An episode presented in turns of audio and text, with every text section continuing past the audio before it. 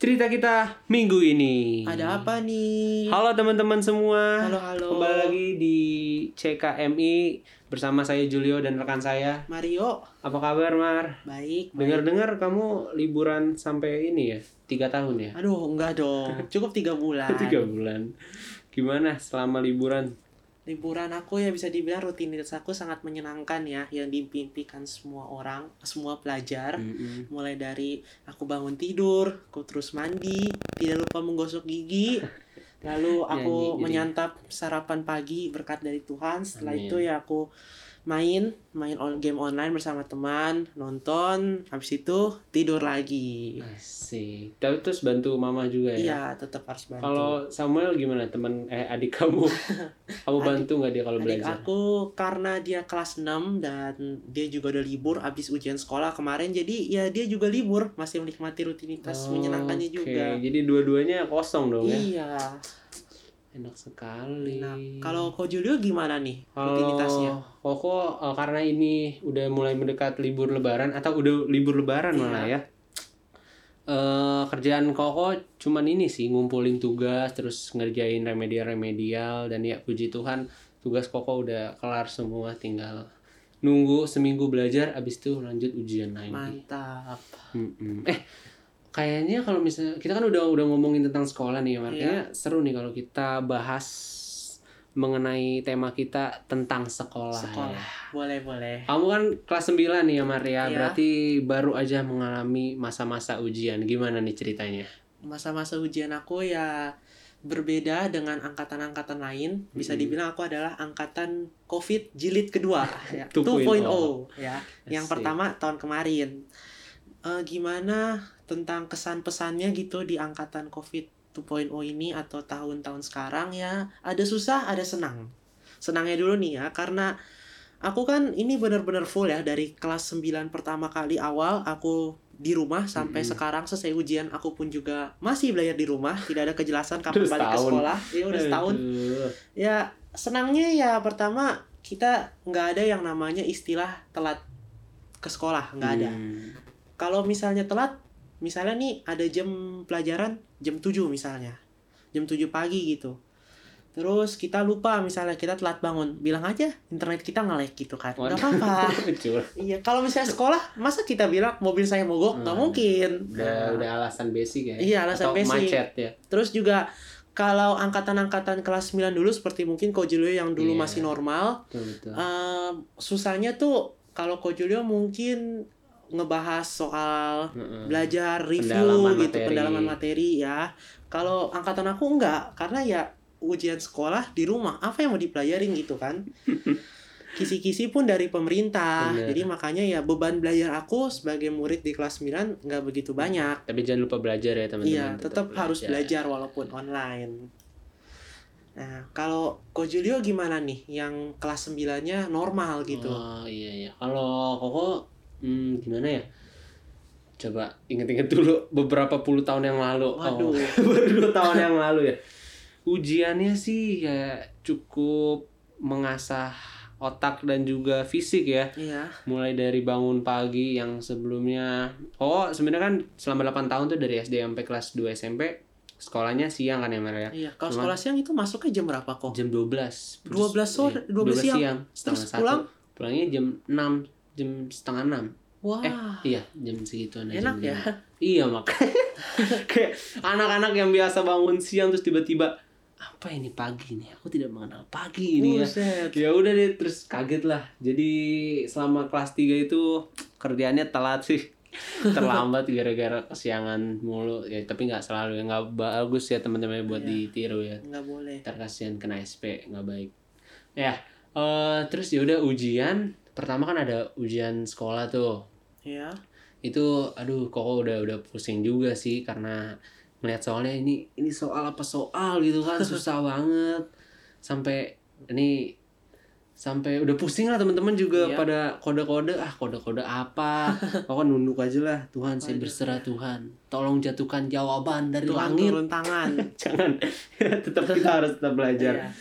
terus ya udah pusing tapi ternyata diakumulasiin ya udah hasilnya pembulatan nilainya cukup memuaskan Puji terus Tuhan. lanjut ke ujian negara nih. Iya. Jadi eh, Koko tuh salah satu siswa yang dapat kepercayaan dari wakil kepala sekolah Koko, Mantap. guru IPA buat ayolah uh, sekolah kita harus punya nama gitu kan. Soalnya sebelum-sebelumnya nilainya kurang memuaskan gitu kan. Dia Benar. buat ngepush anaknya norehin lah nilai yang bagus gitu kan IPA Iya. khususnya di IPA.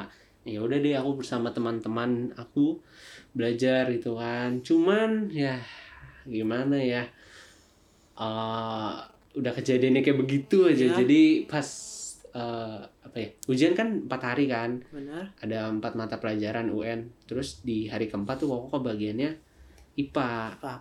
terus yang di hari ketiga koko udah drop nih udah udah sakit kayaknya udah udah bosen sama belajar gitu kan soalnya Waduh. ya kan US terus seminggu libur eh seminggu ditahan dulu abis Ya. itu minggu depannya lagi UN ya orang pusing kan Benar. sampai koko ini masang tato merah-merah gitu kan ada gambar naga di belakang sama ikan teri dikit Aduh. dikerok sama si mama ya udah tuh udah ya gimana sih orang sakit kalau disuruh belajar ya pusing juga kan Kesian ya sebagai orang tua pasti nggak tega. iya makanya koko terus dapet gelombang dua kan Iya. Eh, jadi jam sekitar jam sembilanan jam setengah sepuluhan gitu kan ya udah tuh oh kan ya lagi sakit jadi susah gitu buat bangun mana si mama nggak bangunin singkat cerita aku nyampe sekolah tuh udah terlambat 10 menit kan Aduh. karena perjalanan rumah juga jauh Hari ujian terlambat ya. Iya Itu kan, gimana kayak, rasanya? aduh udah kena banget dah gue dah terus dilihat lagi tuh pas lari ke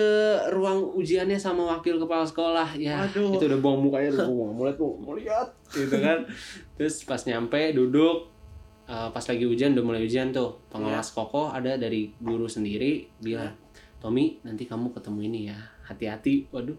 Waduh. hati-hati. Waduh ya udah deh singkatnya pas sudah selesai ujian datang ke dia si ibu ini juga lagi ngawas ngawas Iya. gelombang tiga kan dia ada di ruangan lain ya udah nih eh kau pura-pura nggak tahu aja ada apa ya miss ya udah walaupun dalam hati Iya. kena deh gue nih ya udah tuh singkat eh, dia dia ocehin kan ini itu itu itu gini gini gini gini gini gini gini gitu gitu kan sampai di setrap gitu sampai dua jam kalau nggak salah berdiri aja tuh nunduk Waduh. ya kan nunduk sekalian ngeliat ada duit kan gitu nih daripada bingung mau ngapain Iya. kan nama juga masih remaja gitu kan diocehin Iya. gitu kan tersentil hati kan Benar. Terus Koko nih sekolahnya gabungan sama SD sama TK gitu kan. Iya. Ada ged- gedungnya bulat lingkaran gitu kan. Waduh. Biasa kan kalau anak SD biasa ditemenin Iya. sama mama-mamanya kan. Tante. Iya, terus tante-tante lagi duduk tuh. Iya. Padahal jaraknya deket nih sama kejadian Koko lagi diocehin. Iya. Tapi ada satu tante-tante nanya, "Koko kenapa?" Waduh. Terus kayak hmm, itu na nangis sudah menurut kamu kenapa ya udah tahu lagi diocehin gini ya udah deh tapi kalau koko pikir-pikir ya pengalaman koko ini bisa jadi pelajaran gitu loh guru koko tuh pengen anaknya disiplin pengen anaknya buat bertanggung jawab apalagi udah dikasih kepercayaan itu ya mereka Iya. tapi ya gitu koko koko ya yang berlalu biarlah berlalu kan sesungguhnya yang baru telah datang gitu kan. Amin. Puji Tuhannya pas SMA kelas 10 kemarin kan koko masih on offline kan Iya. Nggak pernah terlambat tuh Ada Kan, hikmah di ada balik hik- penyesalan ya. betul betul kita harus ambil pelajaran Ambil pelajaran. ya walaupun hampir terlambat hampir ya belum Hampir. terlambat satu sekali dua kali ya terus eh, apalagi ya ya udah tuh pas perpisahan kok juga Iya. ngalamin perpisahan kok dapet kepercayaan juga buat ngobrol kayak ngomong-ngomong terus minta maaf kan Iya. guru baris salaman salaman salaman terus ketemu wakil kepala sekolah kokoh kokoh minta maaf nih saya minta maaf ya belum bisa eh, membanggakan sekolah ini gitu kan ya udah semua berlalu udah deh selesai naik sekolah tingkatan ke kelas 10 Tapi, nah Kok gimana? Julio enak ya masih ada perpisahan ya. Aduh, angkatan aku sebagai angkatan COVID 2.0 tidak mengalami perpisahan. Hmm, perpisahan Ini merupakan online salah satu hal yang bikin susah di zaman sekarang. Mm-mm. Tidak bisa perpisahan, tidak bisa ketemu temen, segala macam. Sebenarnya berpisahnya kamu tuh udah dari setahun yang lalu ya, Iya, ya? sudah berpisah itu berpisah kelas dari tiba balik ke rumahnya ya. masing-masing. Benar. Ya, Eh, kan koko ini kan berarti udah kelas 10 terus kamu Hmm. juga mau naik ke, Ke kelas, kelas 10. 10. Oh, udah kelas 11. Eh, berarti kita mengalami namanya pemilihan Jurusan. jurusan. Oke, Koko cerita tentang Koko sendiri Iya, dulu ya. siap. Eh, Koko nih sebenarnya ya cukup memumpuni, bukan cukup memumpuni lah. Kalau misalnya belajar terus dapat materi ini, Iya. kalau emangnya paham ya udah kita jalanin aja kan, Iya. kita sukai. Emang dapat materi tentang ini, ya puji Tuhan kan beberapa materi, beberapa mata pelajaran paham gitu. Iya, Cuman puji Tuhan. dalam lubuk hati Koko yang terdalam gitu kan, Iya. buat SMA nanti ambil IPS aja kali ya kayaknya kalau IPA berat banget gitu loh ada ngitung ini ngitung itu terus ngafalin senyawa ini senyawa itu kan aduh Lagi biologi yang full dengan istilah-istilah. iya makanya ya udahlah singkatnya ya udah ambil IPS aja lah cuman ngafal-ngafal dikit lah ya Iya. padahal gak tahu materinya kayak gimana Banyak sebenarnya kalau Oh, padahal dia nanti mempelajari sejarah dunia nggak cuma sejarah Iya. Indonesia doang. Ya udah tuh. Koko juga sebenarnya ada keinginan buat ngambil SMA di negeri, Iya. eh, kan bukan swasta. Soalnya kokonya koko semuanya udah swasta. Koko pengen Iya. Dunia baru lah ya, Bagus. eh, pengalaman baru. Terus koko udah ada inceran nih SMA ini, SMA ini, SMA ini. Cuman koko tuh nggak tahu peraturannya sebenarnya kayak gimana. Jadi ya udah nggak nggak dapet nih semuanya nih. Iya. Terus ada satu temen mama Koko yang kayak dari dulu udah masuk SMA ini aja ya kan, gak usah gak usah yang kayak yang lain-lain kan. Soalnya anak dia dulu juga di situ. Ya udah deh, pasrah kan. Ya udah siapa tahu bisa masuk. Ya Iya. udah masukin tuh. Ternyata benar ada satu ayat apa yang tak pernah dilihat, apa yang tak pernah didengar, apa yang tidak pernah terpikirkan semuanya disediakan bagi dia yang Mantap. mengasihi bagi kita yang mengasihi dia ya udah puji Tuhan Koko masuk ke sana kan lulus terus setelah itu tes tes ngambil jurusan jurusan IPA atau IPS ya udah Koko ngerjain sepengetahuan Koko aja Iya. eh ya udah tuh pas MPLS masa pengenalan lingkungan sekolah Iya. di akhir kegiatannya ada ada bagian buat ngeliat jurusan kan Iya. Di situ ada mading gede Wih. isinya jurusan-jurusan kan Iya. Eh, jurusan IPA di sebelah kiri di jurusan IPS sebelah kanan, Kanan. kan daftar kelasnya itu kan yang kau harapkan kan masuk IPS kan ya udah Iya. ambil aja nih barisan kanan nih dari IPS 1, IPS 2, IPS 3, IPS 4, IPS 5 kok kagak ada nama gua ya karena anak-anak juga pada pengen lihat ya mana ya Iya. Mar jadi ribut kan akhirnya salah satu panitia Iya. udah suruh pada duduk deh akhirnya dibacain tuh sama dia. Dari IPA 1 IPA 1 Pret. Ya kau bodo amat lah. Iya. orang maunya IPS kan. Bener. pas IPA 2 Tommy Julio. Wah ternyata masuk IPA ya sampai sekarang saya masih hidup ya teman-teman. Ya. jadi nggak apa-apa. Kita emang udah saya udah ditetapkan. Sudah udah udah, udah dapat bagiannya. sama Tuhan. Masuk IPA eh, ya emang kepikiran sih buat ngambil IPA juga cuman mungkin oh terlalu memikirkan buat menenangkan diri sendiri yang nggak mau ribet jadi Iya. masuk IPS tapi ternyata tetap aja diarahkan menuju IPA ya udah Iya. puji Tuhan lah dapat jurusan IPA ya udah sampai sekarang kok belajar tentang kimia biologi Fisika. matematika iya fisika matematika aja sampai dua Buset. minat sama wajib kan Aduh. Aduh luar biasa sekali. Oke sekian aja sih dari koko. Kalau kamu gimana Mar? Ya kalau mungkin jalan aku berbeda dengan jalan Ko Julio ya. Heeh. Oke, jadi karena aku kan kelas 9 nih. Kelas 9 ini adalah masa di mana kita sedang ribut gitu nyari jurusan kan. Betul. Mau ini atau itu, soalnya dua-duanya sama-sama menggoda. Menggoda dalam kata susah gitu. ya masuk IPA eh, hafalan jarang. Paling biologi, tapi hitungannya luar biasa. Mm-mm, fisika Ya, khususnya. dengan jurusan IPA kalian bisa dapet jurusan kuliah nanti lebih banyak Iya. peluang masuk jurusan lebih banyak. Apalagi bagi kalian yang mungkin demen ngutang-ngatik komputer ya kalian harus mau nggak mau masuk IPA karena Mm-mm. bidang IT cuma bisa ditekuni sama orang IPA. Nah, ada lagi jurusan sebelahnya IPS yang hitungan mungkin sedikit ya, paling cuma matematika. Nah, tapi hafalannya itu luar biasa banyak. Nah, masuk jurusan luar IPS, biasa sekali. ya, masuk jurusan IPS kalian harus siap dengan stigma ya begitulah istilahnya kan. Mm-mm. Nah, jurusan IPS di kuliah juga lebih sedikit gitu. Mm, Tapi Nah. ya banyak ini juga sih ada dari Iya. hukum, ekonomi, bisnis. Benar, ada untung, ada rugi masuk juru- dua dua jurusan. Nah, dulu aku waktu kelas tujuh awal itu udah disuruh mikir mau masuk jurusan ini atau itu. Soalnya kenapa sekolahku memang bagusnya sih gitu sih. Dia suruh mikir dari kelas 7 supaya nanti kelas 9 nya nggak begitu susah. Tapi nyatanya nggak ada yang mau mikir. Mikirnya nanti pas kelas 9 biar nggak bingung ya. Iya, jadi kesusahan semua. Aku dari kelas 7 pribadi ya mau masuk IPA ya boleh, IPS juga ayo, dua-duanya bisa gitu. Dan itu sebelum aku ketemu salah satu jurusan yang eh jurusan salah satu pelajaran yang paling bikin mabuk yaitu ada di pihak IPA, fisika dan kimia. Waduh. Waktu itu di sekolahku tuh awal-awal kelas 7 kita semester 1 disuruh bayar biologi full. Kelas 2 ya kelas 2 eh, kelas 2 lagi semester 2 salah disuruh belajar fisika dan kimia. Waktu awal aku ketemu IPA, aku udah bilang, wah ternyata IPA kayak gini doang, gampang dong. Asik. Ya. Eh, ternyata pada saat semester 2 aku dihadapkan dengan yang namanya fisika dan kimia. Wah, aku mulai trauma istilahnya ya. Sudah mulai pusing apalagi dengan angka-angka rumus-rumus yang ngapain itu kelapa dari pohon jatuh dihitung kecepatannya berapa? Apa faedahnya gitu kan menurut aku kan? Gak apa-apa mah Iya. aduh terus Nah, terus Jadi dan dari situ dari mulai kelas 7 akhir aku udah netapin. Kayaknya gue bakal ngambil IPS sih. Gue nggak mau IPA kan. hmm. Dan sempet ngomong sama orang tua waktu di awal, "Ma, aku mau ambil jurusan IPS." Ya, begitulah. Akhirnya ya terjadi Ditolak. perdebatan ya dan terjadi perdebatan-perdebatan kecil gitu. Karena kenapa? Ya karena mungkin orang tua zaman sekarang eh, karena kan mereka kan udah ngalamin tuh zaman dulu IPA IPS kan.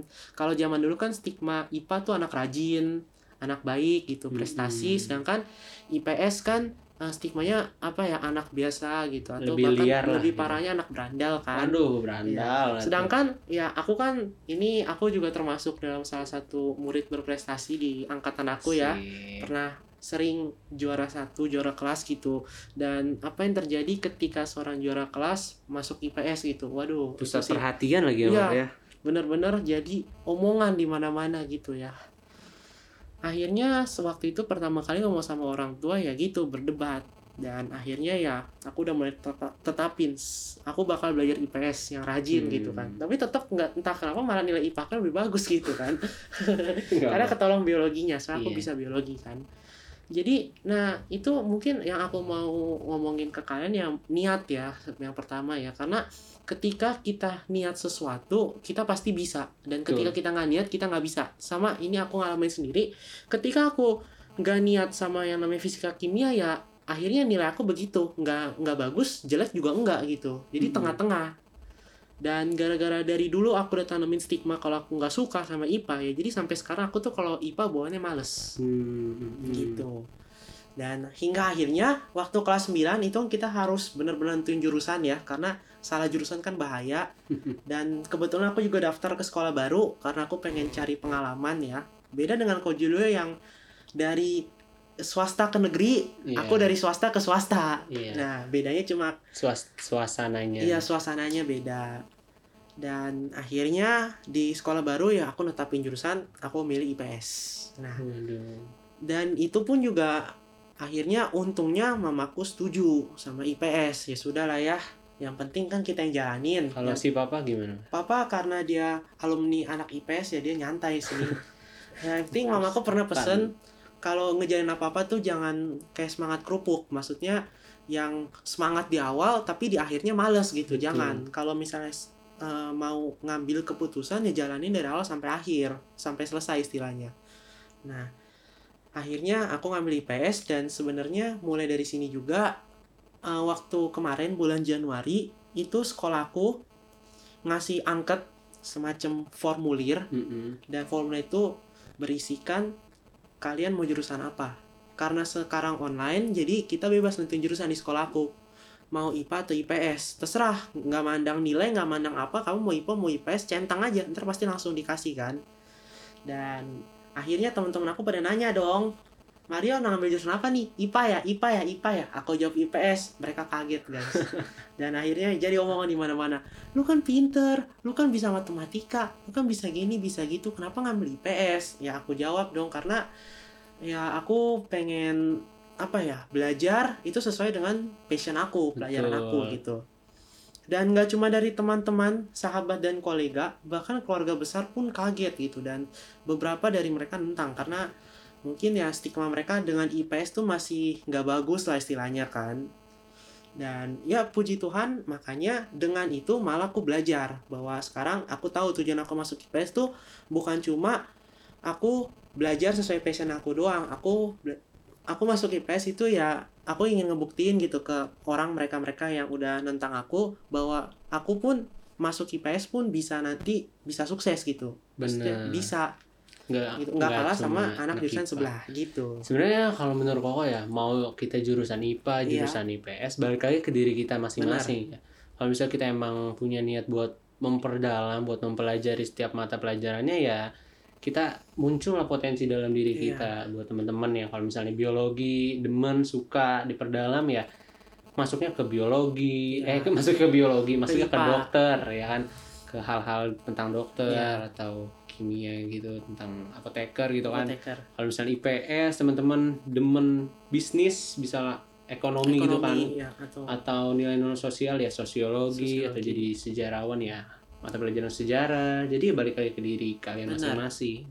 Kalau Mario gimana kamu pernah nggak pas diomongin sama teman sama keluarga sama kerabat bilang kenapa nggak IPA aja? Terus kamu Iya. kepikiran nggak buat pindah itu pasti pernah lah sekelibet eh, pikiran itu ada di pikiran aku Eh, sempat itu juga mungkin renung ya kenapa gua ngambil IPS gitu kan namun aku Mm-mm. harus sadar aku mulai mikir lagi men- eh, kenapa aku harus masuk ke jurusan yang mereka ekspektasiin padahal aku nggak suka gitu kan Iya. lebih baik aku masuk ke jurusan yang mereka nggak ekspektasi ekspektasiin tapi aku enjoy karena kan balik lagi yang nanti akan jalanin hidup kan diri kita Benar. bukan orang lain jadi ya kita harus pinter-pinter lah buat keputusan dan buat keputusan tuh yang menguntungkan diri kita bukan Mm-mm. menguntungkan orang lain Mm-mm, harus bulat sih. Harus bulat. Yang lain tuh cuman pendukung. Ya Jadi dari hal-hal yang Mario alamin ini eh, kita bisa apa ya bisa nyimpulin teman-teman kalau misalnya punya pilihan yang beda atau ya nggak sesuai sama keinginan orang lain ya jalan keluarnya atau hal yang bisa kita lakuin ya kita omongin baik-baik ya Mario. benar Terus? Bagi kan orang tua ya. Ini kan yang paling vital tuh orang tua kan. Hmm, karena orang tua ingin kita sukses. Pengen yang terbaik lah pengen yang anaknya. terbaik. Tapi kalau keputusan kita beda ya mau nggak mau kita harus omongin. Mungkin kalau kayak sahabat teman kita bisa nggak peduliin. Tapi kalau orang tua ya kalian harus omongin baik-baik sama orang tua. Karena bagaimanapun juga mereka kan apa saudara saudara kalian keluarga kalian gitu kan. Maksudnya Hmm. orang yang terdekat lah dengan kalian gitu. Nah, ya balik lagi ya kita mereka pengen yang terbaik. Ya kita juga punya jalan kita mengambil hal yang terbaik buat diri kita. Atau buat teman-teman yang masih bingung buat ngambil jurusan apa, teman-teman bisa merefleksikan ke dalam diri teman-teman sendiri, ya misalnya teman-teman yang eh, suka sama hal-hal yang berbau hitungan, terus senyawa-senyawa, Ya. kimia ya, ambil IPA atau teman-teman yang suka sama sejarah, sejarah hukum gitu Mm-mm, kalian benar. bisa ngambil jurusan IPS Betul. Atau teman-teman bisa cari-cari dulu di Wikipedia, di Google ya kan. atau kalian bisa ikut tes psikologi gratis gitu dari Google. Kan banyak tuh tentang jurusan-jurusan. Kalian bisa ambil kalian bisa lihat gitu kan. Bisa tes sendiri mandiri. Sekali potensi. benar. Atau nggak cuma ada SMA doang kan, ada juga SMK iya. Buat jurusan yang tentang pariwisata, hotel perhotelan ya, ya segala macam. akuntansi, mesin juga teman-teman yang suka merakit ini itu eh, bisa masuk ke sana. siap. Jadi eh, kesimpulan dari podcast kita ini sih khususnya buat jurusan gitu kan ya. ya teman-teman emang kadang kita ngalamin problema ngalami pergumulan kan Benar. tentang jurusan. Tapi teman-teman jangan lupa kita sebenarnya punya Tuhan ya kan? Tuhan Ya. kita dahsyat Tuhan kita hebat. Amin. Teman-teman bisa doa ya kan? Ya. berserah sama Tuhan. Ngobrol aja "Eh, Tuhan aku lagi bingung aku lagi bergumul tentang benar. jurusan tentang eh, aku ke depannya tuh kayak gimana sih ya kan? Ya mungkin teman-teman bingung gitu kan? Tuhan tuh kasih saran dari mana sih? Atau dari audio atau dari orang lain ya kan? Atau kayak gimana Mar? Kalian juga bisa join ke komunitas ya Mm-mm, benar bisa dapat masukan kan dari Benar. orang-orang kan kalau teman-teman bingung ya hal yang menjadi jawaban ya di Alkitab teman-teman baca. Alkitab teman-teman tahu pesan Tuhan dalam Alkitab itu Benar. sendiri ya semangat buat teman-teman yang masih menentukan jurusan semangat Iya. yang masih sekolah juga ya ambil Mar ya keputusan yang terbaik bagi kalian diri kalian Betul. sendiri karena kalian jalani hidup bukan orang lain betul yang orang lain itu cuma orang pendukung, Pendukung. kita harus belajar Jadi kita buat tokoh utamanya ya ngambil keputusan yang baik benar dan bulat gitu. harus punya pendirian ya Mar ya iya pendirian yang kuat benar buat ke depan nanti tuh hal yang penting banget. Oke, sekian podcast kita kali ini. Aku mau ngingetin teman-teman, jangan lupa like, comment, subscribe eh, podcast kita di channel YouTube Like Generation. Jangan lupa juga rate dan review atau dengerin podcast kita di platform-platform lain seperti Spotify, Google Podcast, dan lain-lain. Mm-mm. Kita juga ada Instagram ya, Maria. Iya, Di dalamnya ada apa tuh, Mar? di dalamnya ada pengumuman-pengumuman tentang podcast kita, terus juga eh, kita juga ada komsel setiap hari Senin. Mm-mm. Dan info-info lain terkait dengan kegiatan-kegiatan kita bisa ditanya di admin at Light Generation. Betul di Instagramnya ya. Iya, Teman-teman kalau penasaran sebenarnya Komsel tuh apa sih? Teman-teman langsung aja DM, "Eh, aku mau join dong kak. Iya. Terus ya, em, dalam Komsel Light Generation, teman-teman kita saling merangkul aja, kita saling Benar. bersatu. Oke, sekian podcast kita kali ini bersama saya Julio dan saya Mario. di cerita kita minggu, ini. Ada, apa, nih?